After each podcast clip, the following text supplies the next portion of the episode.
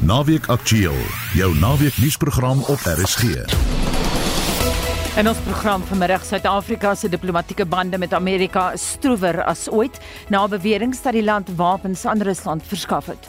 Ons ondersoek die omvang van kuberbedrog in Suid-Afrika. Suid-Afrika van 2018 tot verlede jaar het ons 'n 800% toename gesien in scams En ons skakel oor na Turkye in die aanloop tot môre se verkiesing. Baie welkom by Naweek Aktueel. Vandag onder die redaksie van Jo Marie Verhoef, ons produksieregisseur JD Labuskaghni en my naam is Anita Visser.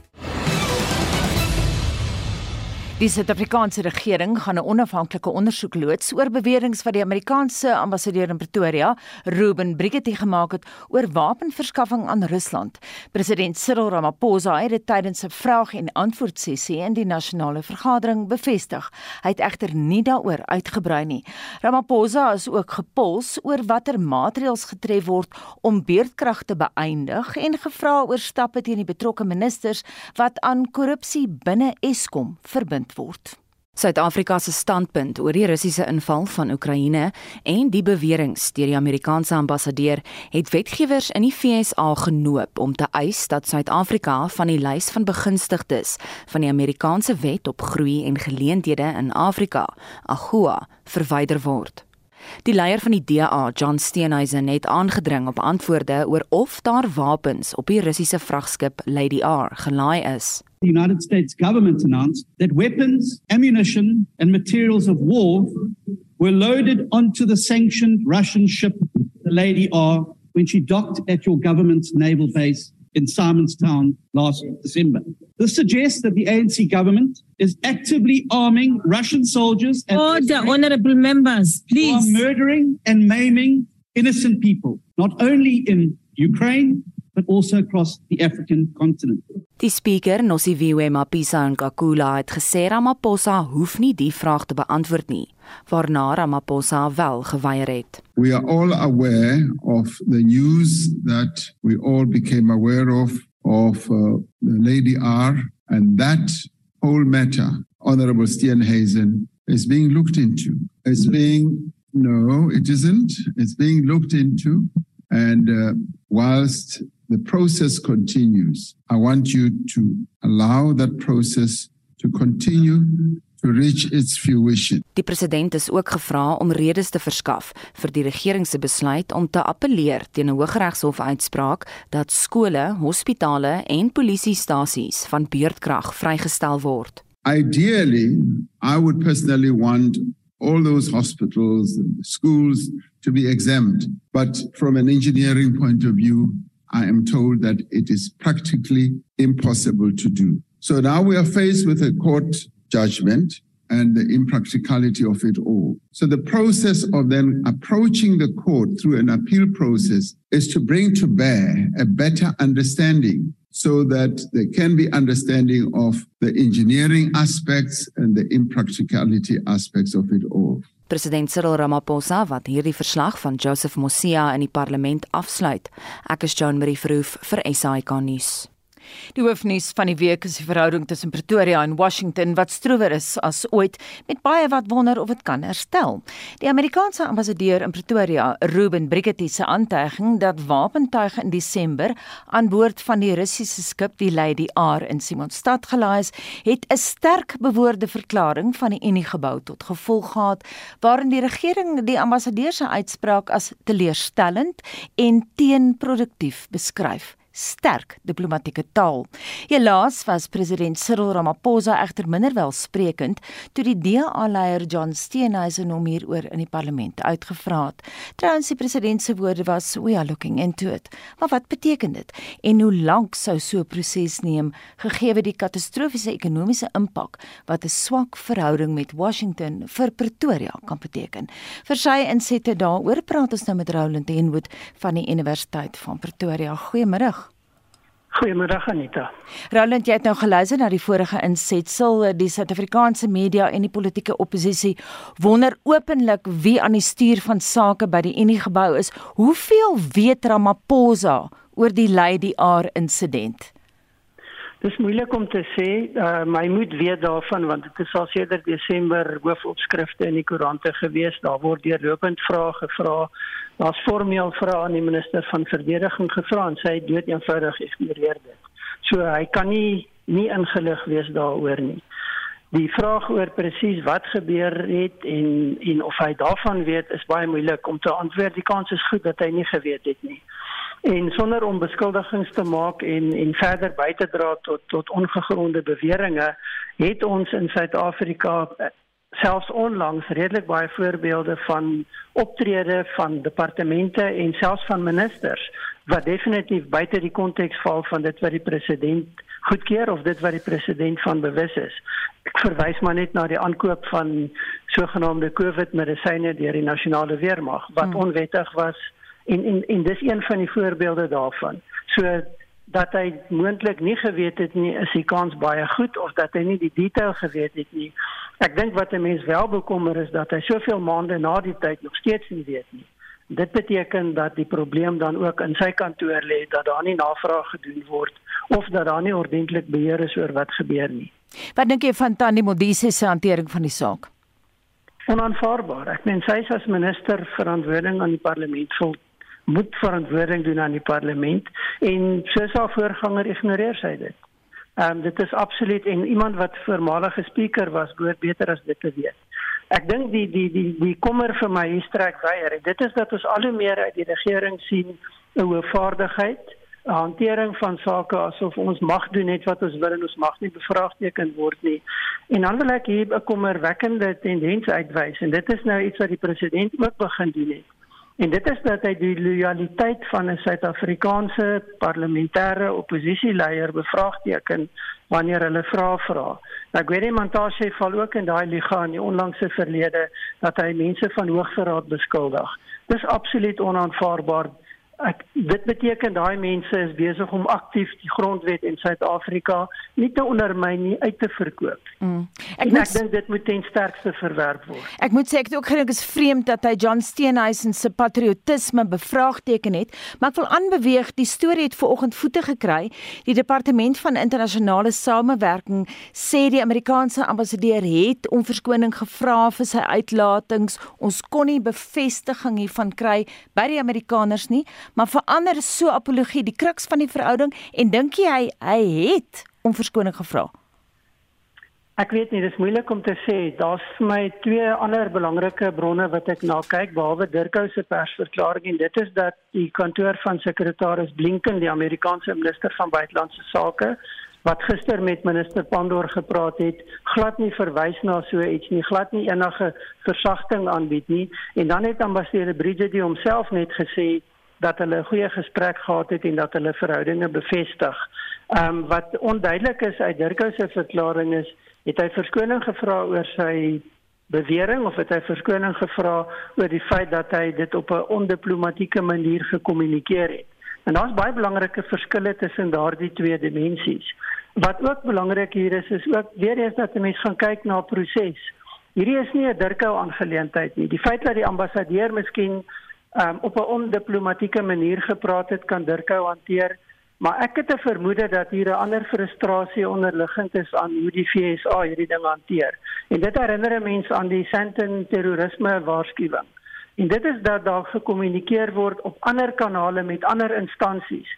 Byvoorbeeld, ek sê nie dit is nie, maar byvoorbeeld intelligensiestrukture en daar's nie reaksie nie, daar's nie werklike in, interaksie daaroor nie. En daardie frustrasie en daardie kommer kry dan voete in die sin dat daar dan 'n openbare reaksie gedryf word om seker te maak iets gebeur. En hoekom ek dit sê, dis 'n algemene beskuldiging of 'n algemene klagte van diplomate in Suid-Afrika dat hulle nie toegang tot die regering kry nie, dat dan nie reaksie is wanneer hulle versoeke rig of dat hulle met bepaalde goed besig is nie. So dit mag wees dat hierdie op 'n ander manier aandag kry as wat die norm die norm is en dat die FSA bereid is om die kritiek te vat sodat hulle 'n reaksie kan kry. En dan laastens miskien net ook weer eens 'n waarskuwing van die FSA aan Suid-Afrika dat julle is vir ons baie belangrik. Daarom dat Blinken dadelik gebel het. Mm. Maar julle het nie onbegrensde vryheid om te doen wat julle doen met ons en ten koste van ons en ons belange nie. En ek dink nie Suid-Afrika se regering moet daardie onderliggende kommunikasie ligtelik opneem nie. Dink jy AGOA sal gekanselleer word in 2025? AGOA kom tot 'n einde, dit moet heronderhandel word hmm. en daar's baie lankal al aanduidings dat veral politici in die FSA voel dit is te eensaidig in belang van ander en nie is die grootste voordeeltrekker Suid-Afrika en dat hulle eerder 'n normale vryhandelsooreenkoms wil hê en die rede is dat Suid-Afrika nie dieselfde toegang en geleenthede bied aan die FSA as wat ons ontvang nie. En dan is daar ook mense wat sê masjiena kry baie meer reg as ons, maar ons betaal die rekening en ons gaan 'n einde daaraan bring. So hierdie kan waarskynlik die proses verhaas, kan die hmm. konteks verander, maar dis nie die enigste rede hoekom AGOA onder druk kom nie. Daar is kritiek wat sê die ANC se buitelandse beleid is ideologies gedryf. Is dit so? Vir sommige in die party ja, en ek dink as ons spesifiek wil wees, die internasionale um, lesenaar in Letoile huis die party se internasionale afdeling is definitief baie meer ideologies georiënteer en waarskynlik meer anti-westers en pro-russies as Dirkhou. En en dis vir my baie belangrike onderskeid. My probleem is dat Dirkhou tot 'n baie groot mate hier in die duister gehou word of nie die rol speel wat mense sou verwag hulle moet speel nie. Watter boodskap stuur hierdie debakel aan die res van die wêreld? Ek dink in die eerste plek ongelukkig dat sy die Suid-Afrikaanse regering in 'n warboel is, dat die president nie baie duidelike beheer het nie en dat daar ander soortige belange is wat deurlopend inmeng met regeringsprojekte en beleid en dat dit Suid-Afrika onvoorspelbaar, onbetroubaar maak en dat dit Suid-Afrika ook in 'n situasie bring waar niemand regtig weet wat aangaan altyd nie en dit natuurlik lei tot wantroue En veral in die konteks van waar ons nou sit met die verdelinge oor die oorlog in Oekraïne, word Suid-Afrika al hoe meer geposisioneer as as dit dan nie amptelik is nie in terme van praktyk aan die kant van Rusland. Kan Suid-Afrika sy posisie as ekonomiese poort tot Afrika verloor? Ja, ek dink die die idee van 'n ekonomiese poort is bietjie van 'n mite en wat bietjie propagandisties vanuit Suid-Afrika gebruik word. Dis lankal nie meer nodig nie, dis lankal nie meer prakties nie. Dit kan wel Suid-Afrika se posisie as 'n belangrike ekonomiese rolspeler in die streek en in Afrika in die gedrang bring. Um, ons sien reeds dat die res van Afrika nie so toegeneig is teenoor Suid-Afrika as in die verlede nie en dat sommige Suid-Afrika baie duidelik opponeer in hulle eie belange ten alle koste nastreef en ten alle koste bedoelende ongeag wat Suid-Afrika sê of doen. Cyril Ramaphosa as vaag oor die aard van die ondersoek. Daar word gesê dit gaan onafhanklik wees. Wat bedoel hulle daarmee en hoe lank sou so ondersoek duur? Ek dink hy is vaag omdat hy verras is, nie weet wat aangaan nie. Ek wil nou nie die woord geskok gebruik nie. Ehm um, en ek dink hierdie was maar net 'n bietjie van 'n kom ons noem dit 'n kantlyn skoppie hy het so 'n bietjie die besluit en die proses uitgestel want hy weet nie wat aangaan nie. Baie dankie en daardie kritiek kom van Roland Enwood van die Universiteit van Pretoria.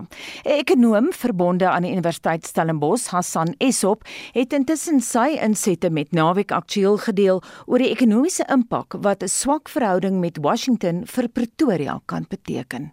Die hele wapen en ammunisie aan Rusland storie is 'n groot gemors vir ons ekonomie op 'n sekere manier maak dit glad nie saak of dit waar is of nie waar is nie. Wat dit wel vir ons sê is dat die FSA nie gelukkig is met ons neutrale posisie ten opsigte van Rusland en hulle oorlog in die Oekraïne nie. As ons nou net kyk na die reaksie van die rand, is dit 'n verdere verswakking van die rand tot op 'n drastiese vlak en al die probleme wat ek van tevore uh, bespreek het, gaan nou vererger word. Hierdie is ook moontlik net die eerste proses of die eerste negatiewe effek van moontlike FSA aksie teen ons. So die eerste aksie is om te noem die Earl ambassadeur dat hulle nie gelukkig is met wat moontlik gebeur het nie. En ten tweede kan hulle natuurlik ander stappe neem.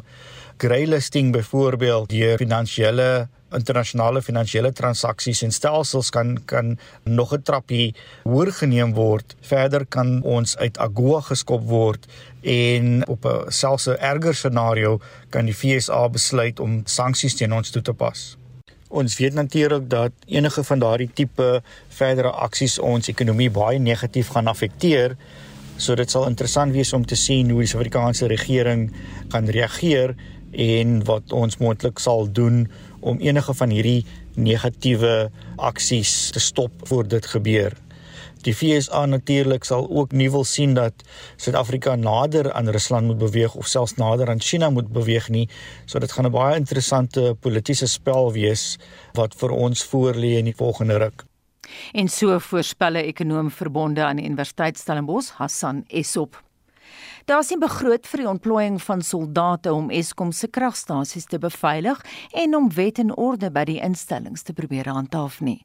So sê die nasionale weermag se stafhoof, generaal Michael Ramatswana, wat voor die parlement se staande komitee oor verdediging verskyn het. Veronique van Heiningen doen verslag. Soldate is op 17 April vanjaar ontplooi om die land se kragstasies vir die volgende 6 maande te beveilig. Generaal Ramantswana het 'n uiteensetting gegee van die koste verbonde aan die ontplooiing. Uh, compensation of employees is uh, 68 million rands and food and services is 78.6 million rands. It can run to office 78.7 million rands, which take us to 146 million rands. The expenditure for this deployment is unfunded for this financial year, um, so it's not actually allocated. So we consider it as unforeseen and unavoidable because it's an instruction from our commander in chief and we've got to execute it as such. Die DA se skadu minister vir verdediging Kobus Maree sê hy hoop dat die reuse uitgawe tussen al die betrokke departemente verdeel sal word. We just hope that it's not draining too much of the resources of Defence Force in terms of their core responsibilities. But hopefully, you know, they will either invoice the police or Department of Public Enterprises, you know, like services to other departments as well. So if that has been done, you know, and we, we can support our country to stabilize, you know, electricity, then then you know we've got the greatest of respect and appreciation for our soldiers who, who are put into a position of this nature. So we can only say thank you. God bless you all. Cyril Kaba die komitee se ondervoorsitter sê hulle sal met die tesourier hieroor vergader I think before the end of this month to discuss the upfront allocation to the department because they have to spend the allocation from the meager resources that they have and only to be compensated much later in, in the year. Yet if they have had some allocation in their account, they can be able to tap into it without disrupting the operating budget or the baseline of other programs or activities within the department. So we will be meeting with Treasury to discuss that, that such budget that for ad hoc uh, missions is not there in the budget and is you can't afford it without having to take money from other sources within the department. When you do that, it compromises or, or it impacts on, on the services or the units that you are actually diverting the money from. So we're in discussion or we'll be in discussion with them. Tabo Mutle van die ANC het voorgestel dat spesiale fondse aangevra en beskikbaar gestel word. As much as we are going to engage with National Treasury, I think for the purpose of ensuring that the defense force is not found wanting in terms of financial prudence, we need to do things differently. Maybe impress or sponsor a view that as and when the commander in chief employs uh, the defense force to undertake any other mission or function that is not budgeted for, it must be accompanied by a letter to treasury or an instruction to treasury to also make funds available for that particular deployment. I think in that way it will make life of uh, the defense force easier. Hier is 'n verslag van ons parlementêre korrespondent Mercedes Besent. Ek is Veronique van Heiningen vir SAK nuus. Dis nie dikwels dat die BBC 'n woord soos epidemie gebruik in terme van bedrog nie, maar dit was van dese week die geval toe die omvang van kuberbedrog onder die loep gekom het. 'n Direkteur van die bankgroep Lloyds of London, Liz Ziegler, sê bankrekeninge is nog nooit tevore so gestroop weens allerlei slenters nie. Verlede jaar is 3 miljoen Britte met booswigte se slap rieme gevang, 'n 87% toename in die soort misdaad. Maar hoe lyk die prentjie in Suid-Afrika? Naweek Aktueel het gaan ondersoek instel. Hy het my 3 tot 4 keer 'n dag of 'n boodskap gestuur of 'n voice message en dreigemente gegee. Dit het my baie angstig gemaak en naderhand hartkloping gegee. Ek het letterlik vir 2 dae nie geslaap nie want jy begin dink hy gaan iemand na jou huis toe stuur want jy het jou adres en goed vir hom gegee om die produk vir jou af te lewer. Mense raak noise nou dan. 'n Transaksie om 'n bedsytafeltjie aanlyn te koop het in 'n nagmerrie ontaard vir die 46-jarige Lasaya Nel van Centurion. Ek het op Facebook Marketplace 'n uh, bedside table gesien wat ek graag wou gehad het en so op Marketplace dan maak jy 'n aanbod vir die persoon en dan kry hy 'n boodskap op Messenger en dan aanvaar hy die aanbod of hy wys dit en toe die man die aanbod aanvaar en dit ons begin mekaar gesels op Messenger en dit het oorgeskakel na WhatsApp toe. Hy het toe vir my gesê ek moet dit vandag koop. So hy het basies gesê hy het iemand anders wat belangstel. Dis ek van waar hy geleë en hy sit in Kimberley, maar hy kan nie teen vir my koerier. Hy kom toe 'n bietjie later terug en sê van te 200 rand weer. Dis geen probleem. Dat is jou bankpersoon nie en betaal ek so lank teen. Die dinge daar basies aan ek moet die geld in sy rekening inbetaal voordat hy dit koerier. Nadat die geld inbetaal is, was daar doodse stilte van die verkoper ten spyte van Lasaya se talle pogings om die koerier besonderhede in die hande te kry. Hier later toe kon ek kom weer, dis sê net vir my, hy het nog die geld op sy rekening gekry nie, dis ek dit onmoontlik. Die geld moet al in wees, ek sal met my bank praat, want dit is vir geld is weer en sy het my geblok. Lasaya is eers polisie toe, daarna bank toe en toe weer polisie toe vir 'n saaknommer om dinge op die spits te probeer dryf. Die bankpersoneel was vriendeliker as die polisie, vertel Lasaya, en 5 dae later het die bankowerheid die bedrieglike verkoper se rekening gevries en toe begin Lasaya se hel. Tuistering op 'n vlak wat sy as emosioneel uitputtend beskryf. Trouwens, die R816 ter sprake is niks in vergelyking met die man van Kimberley se sielkundige aanvalle nie. Vir aanlyn aankope is Lasaya Nel nou minder lus maar sy is nie die enigste wat deur middel van die kuberruimte gefop word nie. Bankwoordvoerders wat naweek aktueel gekontak het, was nie bereid om op die rekord uit te brei oor die omvang van kuberslenters in Suid-Afrika nie, alhoewel hulle gereedelik toegee dat daar 'n probleem is. Jacques van Heerden van die maatskappy Global Technology Security Provider sê die probleem is baie groter as wat meeste vermoed.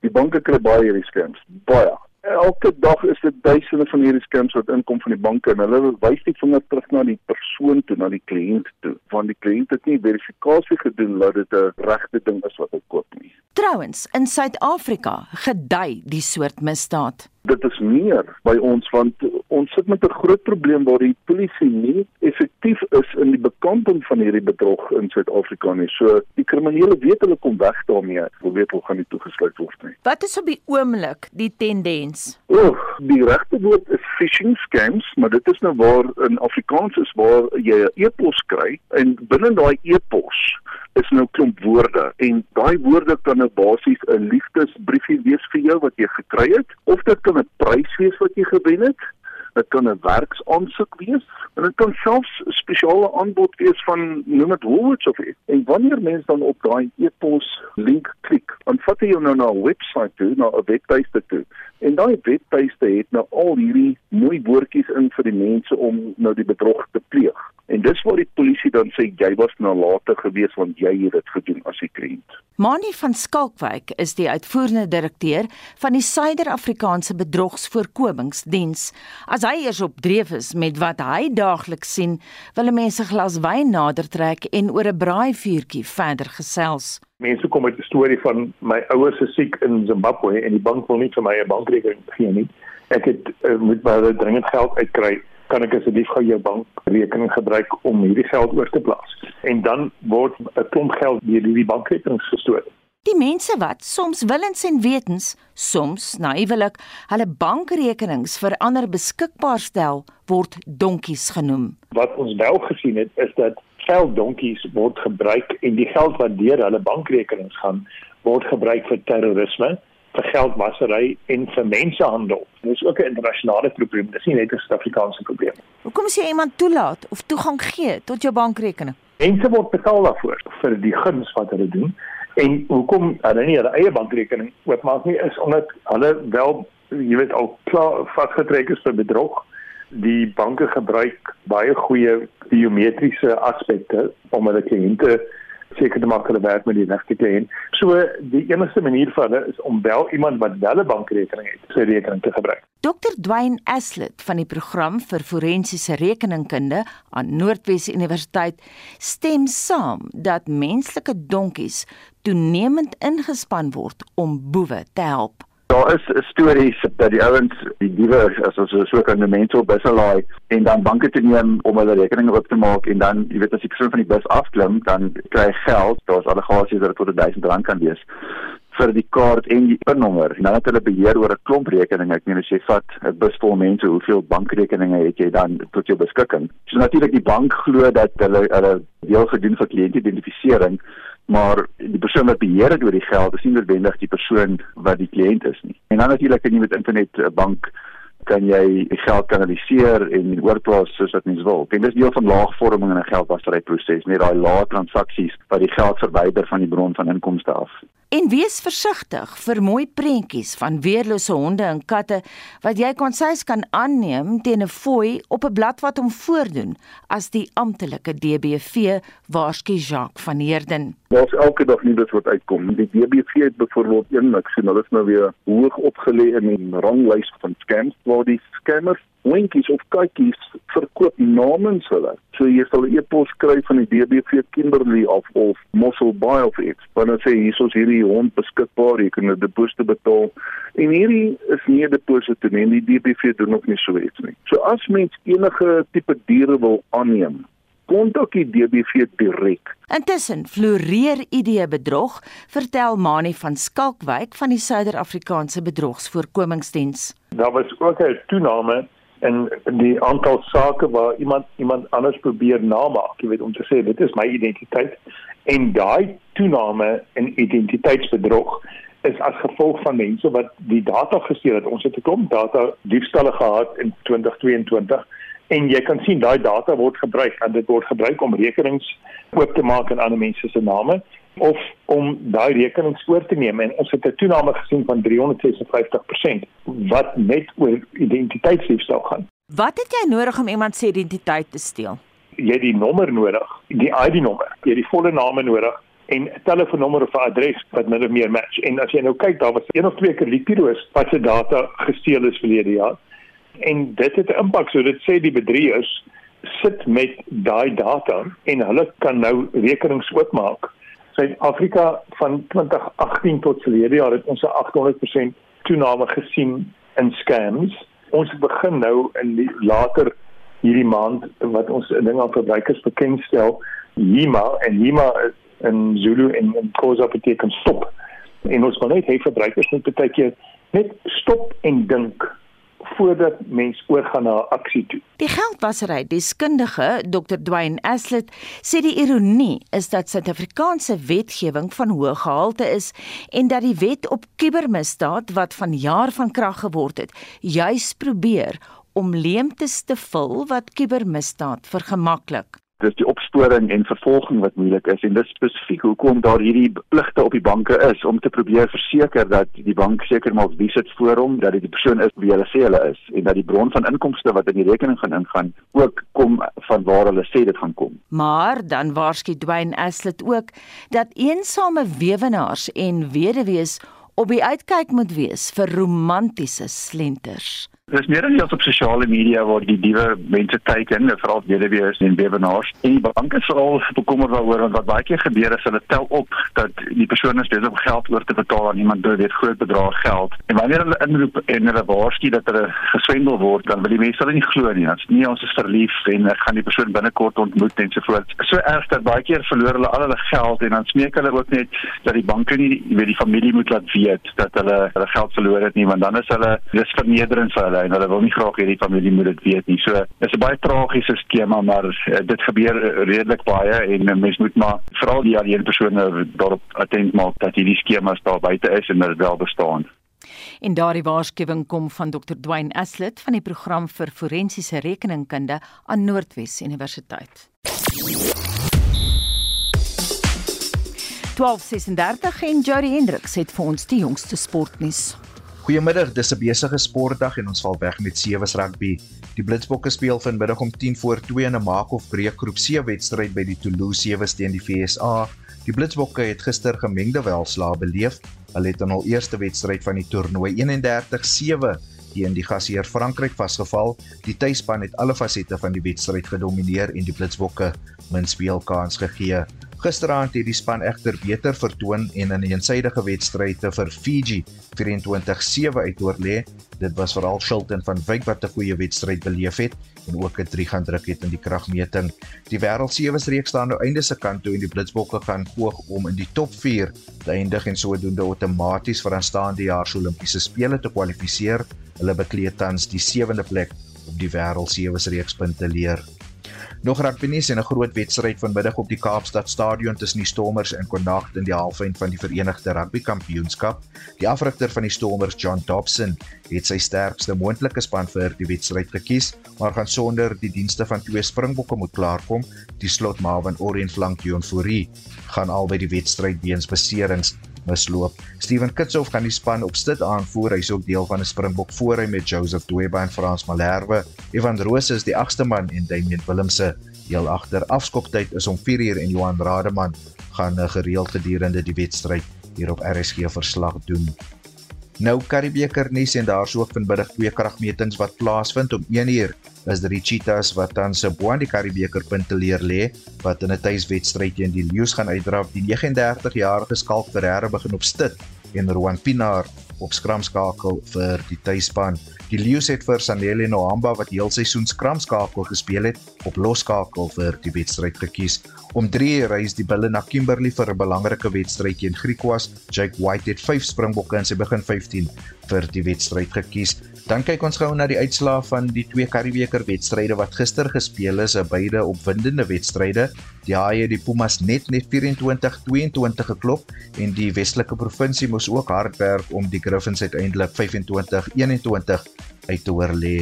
Nou golfnuus en by 'n Live Golf toernooi in Oklahoma in die VSA het Suid-Afrika se Brandon Grace in die eerste ronde gedomeineer. Hy het 'n 61-900 baansyfer aangeteken en het 'n 2 houe voorsprong voor sy naaste teenstanders in die tweede plek. Cricketnuus in die IPL speel die Lucknow Super Giants en Sunrisers Hyderabad tans teen mekaar om 4uur gaan die Delhi Capitals en Punjab Kings ook opponente wees. Laastens in MotoGP en dis die Franse MotoGP wat op die Le Mans baan plaasvind. Vandag is kwalifikasie met die hoofwedren wat môre gejaag word. Jody Hendricks vir RSG Sport. 12:40 jy luister na Naweek Aktueel. My naam is Anita Visser. In ons weeklikse motorrubriek bespreek Wesop Pretoria se luisteraarsvraag. Hy berig egter ook oor hoe die Russiese wapendebakel ernstige gevolge vir die Suid-Afrikaanse motorbedryf kan inhou.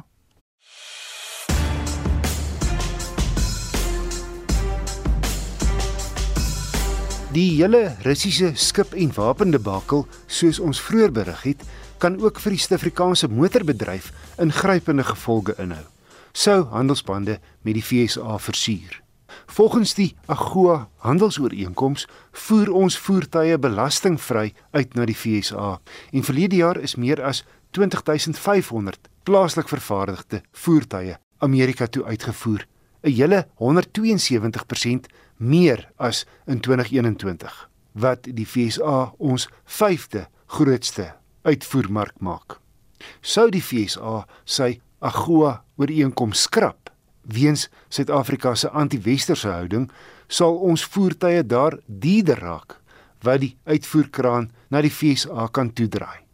Mens moet in ag neem dat ons motorbedryf wat 6,4% van ons bruto binnelandse produk uitmaak, slegs lewensvatbaar is weens ons uitvoere.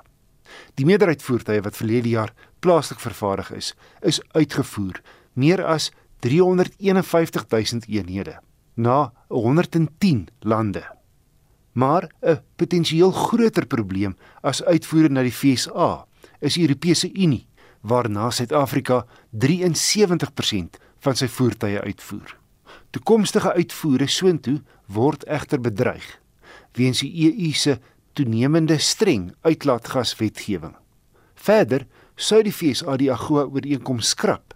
Bestaan die gevaar dat die EU soortgelyke aksie kan neem aangesien die EU en die FSA dieselfde houding teenoor Oekraïne en Rusland het.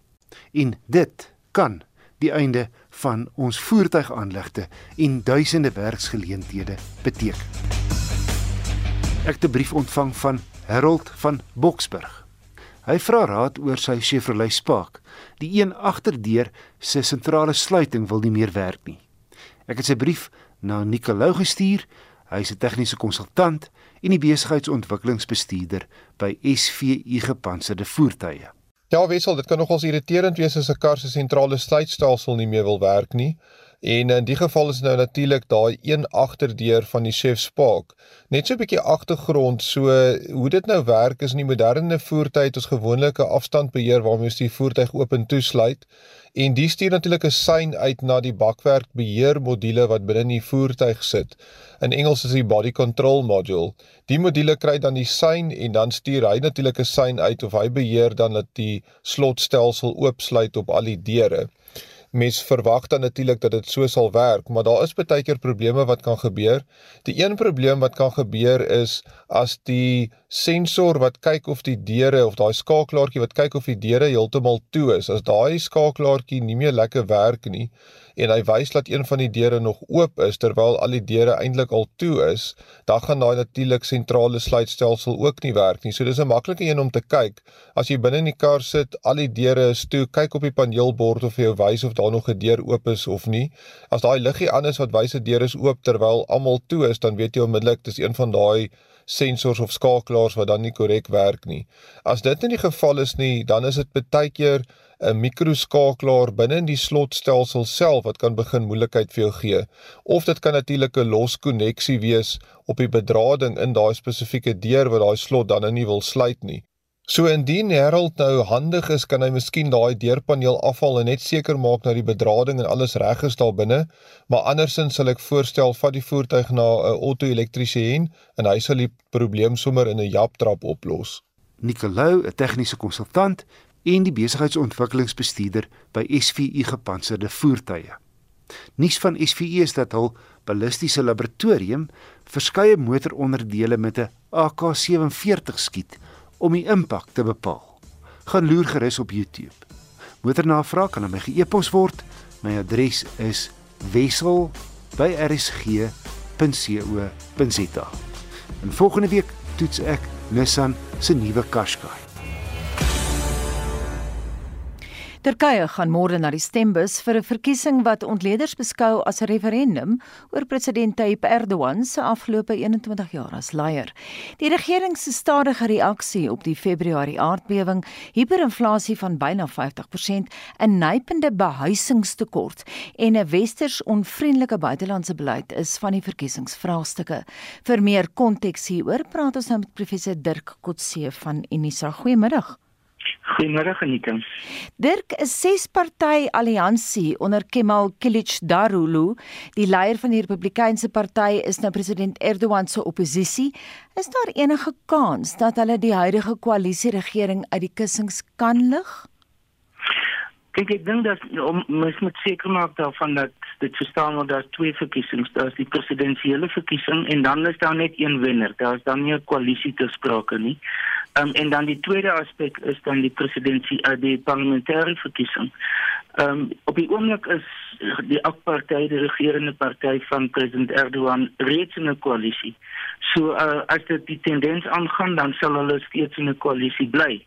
Maar as hulle uh, verder steun verloor en hulle het reeds al die metro's byvoorbeeld verloor Ankara, Istanbul en uh, Izmir uh, dan kan hierdie ses groep, groep partygroepering die sogenaamde uh, uh, Nation Alliance uh, kan hulle die meerderheid in die parlement kry. So dis eintlik dan 'n parlementêre koalisie wat tot stand kom, nie uitvoerende of 'n regeringskoalisie soos wat ons dit ken nou in Suid-Afrika nie, maar dis definitief 'n moontlikheid.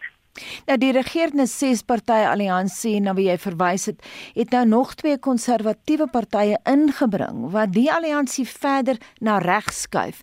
Is dit die regte taktik vir die spesifieke verkiesing?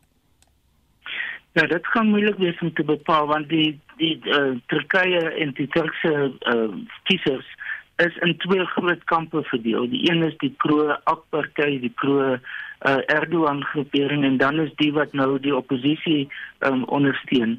Die oppositiegroepering sluit byvoorbeeld die Koerde in wat beskou word as eintlik die vyande uh, van die uh, die Erdogan en van die AK-party en van die Weermag ook. So dit is net om te illustreer hoe geis hoe gepolariseerd op die oomblik die situasie in uh, in Turkye is.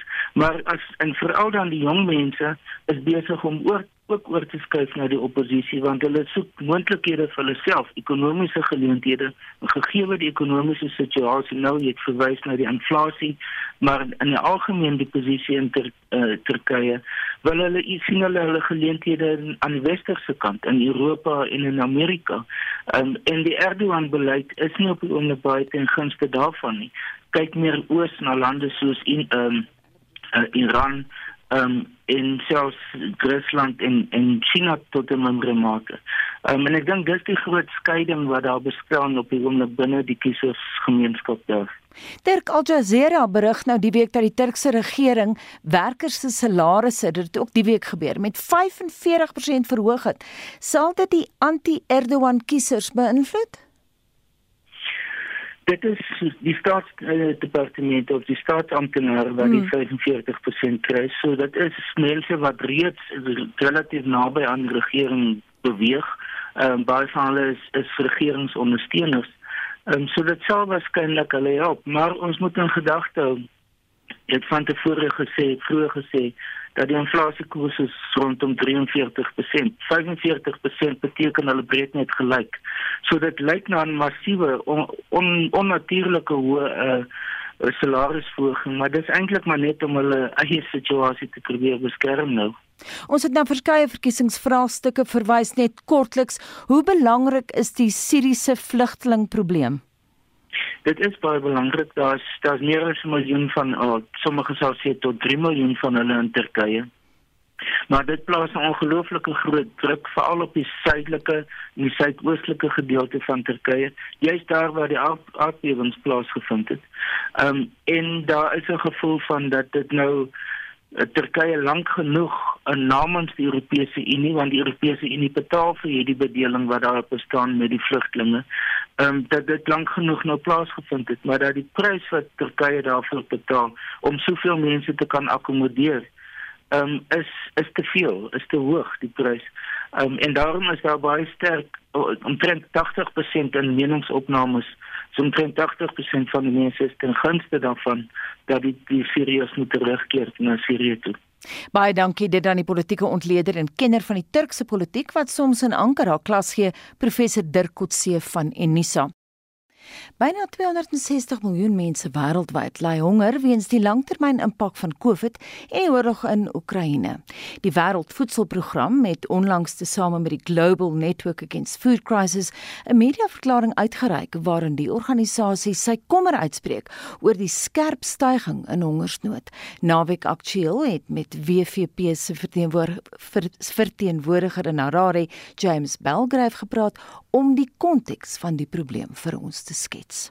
Die Wêreldvoedselprogram, oftewel die WFP, is die grootste humanitêre organisasie ter wêreld wat hom toespits op noodleniging. Die liggaam wat gekoppel is aan die Verenigde Nasies, is in 1961 gestig met sy hoofkantoor in Rome gebaseer. We have been breaking records year after year, and when WFP breaks records, is not good news at all. So just last year, we fed a record number of people, 160 million people. But the truth is that this year we're facing a situation where needs continue to grow, and we need to feed more people. But those needs outpace the funding made available to respond to these crises around the world. Vandag staan die organisasie aan die spits van klaskamerkos, maar help ook ander in nood danksy die toegang wat sy werkers tot die plaaslike bevolking in 80 lande het.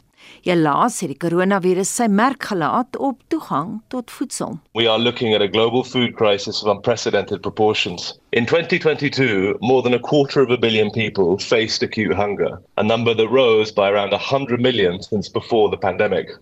Baie van die 100 miljoen honger mense woon in die ontwikkelende wêreld. Trouwens, die grootste nood is in Afghanistan, die DRK, Ethiopië, dele van Nigerië, Somalië en Jemen. Conflict is something that affects a lot of countries in Africa. So if we look at situations like South Sudan, the Democratic Republic of Congo, Somalia, the Sahel region of West Africa, these are all regions where hunger is really on the rise. And it's places where violence and fighting mean that farming's disrupted, people are forced to flee their homes, a market effectively collapse. Tans, vertel James Belgrave vanuit Harare, is daar veral kommer oor Somalië. Somalia is a place where we're really concerned about the situation slipping into famine, and we're doing everything we can to stop a totally catastrophic situation of food insecurity. But also, Burkina Faso is another place where there's a lot of really severe hunger. We're really concerned about the situation there too. Die sekretaris-generaal van die VN, Antonio Guterres, sê die krisis is 'n beskuldiging van die mensdom se onvermoë om hongersnood te bestuur. Behalwe vir die 258 miljoen boerlinge van 58 lande, ly 35 miljoen ander in 39 lande aan akute honger. Die WFP besef deeglik dat om net elke keer die spreekwoordelike wond met 'n pleister toe te plak nie die antwoord is nie. The first objective and our primary concern is to meet humanitarian needs immediately, meet them today. So that's about getting food to those who need it most and preventing an all-out catastrophe. But the second part of it is that we cannot afford to just keep responding to these crises year after year. We need to make a better effort at tackling the root causes of hunger head on and making a difference in the longer term. En dit doen die Wêreldvoedselprogram daagliks op 'n praktiese vlak. Some of the work that we do includes working with smallholder farmers, governments, private sector, academia and others so that the food systems we all rely on also work for the most vulnerable in food insecurity. We work on boosting food systems so that they're better able to cope in the face of all these shocks, focusing on working with these vulnerable communities, helping them shore up their assets, their farming lands so that they're better able to cope when there's a shock. Intussen is die gerespekteerde noodlenigingsorganisasie maar altyd dankbaar vir elke sent wat die privaat sektor, regerings waaronder die EU en Amerika en die publiek bydra. They have been very, very generous over the years. The reality is, is that this year the world economy is in peril. We're dealing with the fallout from the COVID-19 pandemic. We've got the fallout from the, the ripple effect from the Ukraine war. And the reality is that the governments, in a sense, are tapped out. This year, they're facing immense funding challenges. They're facing challenges on the home front. They're dealing with their own cost of living crisis. There's not enough money to go around. Dit aan die Wêreldvoedselprogram se verteenwoordiger in Harare, James Belgrave, wat vanuit die stad met ons gepraat het. Terug in Suid-Afrika, 'n gedenkdiens is op Oudtshoorn gehou vir die Wes-Kaapse anti-apartheidse aktivis Cora Dikakwe, wat onder andere saam met Wile Reggie Olifant en Bolelo Grootboom die struggle in die Suid-Kaap gelei het. Hy is in 1985 sonder verhoor ingevolge artikel 29 van die wet op binnelandse sekuriteit aangehou. Tanya Krause doen verslag. Die Khatchwi was instrumenteel in die vorming van die ANC se ondergrondse strukture in die provinsie en ook een van die leiers wat die IDF in die Suid-Kaap gevorm het. Na die ontbinding van die ANC het hy die party se organiseerder in die streek en later in die Wes-Kaap geword. Tydens president Thabo Mbeki se amptetermyn was hy 'n lid van die parlement en het op die portefeulje komitee oor sport en ontspanning gedien. Die ANC-leier in die Wes-Kaapse Parlement, Cameron Dugmore, sê na sy aftrede het hy na Ashton verhuis, maar steeds 'n aktiewe rol in sy gemeenskap gespeel. Kort het nooit eintlik afgetree. Hy het Ashton toe gaan, daar gebly, maar enige probleem op die plase met 'n uitsetting, 'n probleem van 'n student wat nie 'n beurs kan kry, Kort was daar en hy het gebel laat in die aand en sê ek soek die nommer van die minister of die MEC die Elika. Hulle moet nou kom. Ons wil hê dit môre moet gebeur. Dit moet nou vandag gebeur want die mense het 'n probleem. Sy kleinneef Mbulelo Dikhatchwi sê ten spyte van al sy politieke en gemeenskapswerk was sy oom in wese 'n gesinsman. Having having been active in the community itself he was more of a family person. He loved his family very much but uh, we all understood his his passion and his energy of wanting to fight for justice and you know against apartheid at that 'n Oudtshoorn gemeenskapsleier, Erik Ngalo, sê hulle gaan sy leierskap mis, maar ook hom as persoon. I just missed the person which is Ukora and uh, everyone knows and love him especially in also in, in Poland and in Cape Town also. So just want to brief about him, a good man, a family man, everyone loves him. Sy begrafnisdiens word Sondag by die Ashton Gemeenskapsaal gehou. Ek is Tanya Krause op Oudtshoorn in die Wes-Kaap. Dis 12:59 ons moet groet onthou vorige uitsendings van ons nuus aktualiteitsprogramme Monitor Spectrum Brandpunt Naweek Aktueel en Kommentaar is wel as potgoeie beskikbaar. Gaan na rsg.co.za en daarmee groet ons namens ons uitvoerende regisseur Nicoline de Wee vandag se redakteur was Jamari Verhoef. Ons produksieregisseur Jari Labuskaghni en my naam is Anita Visser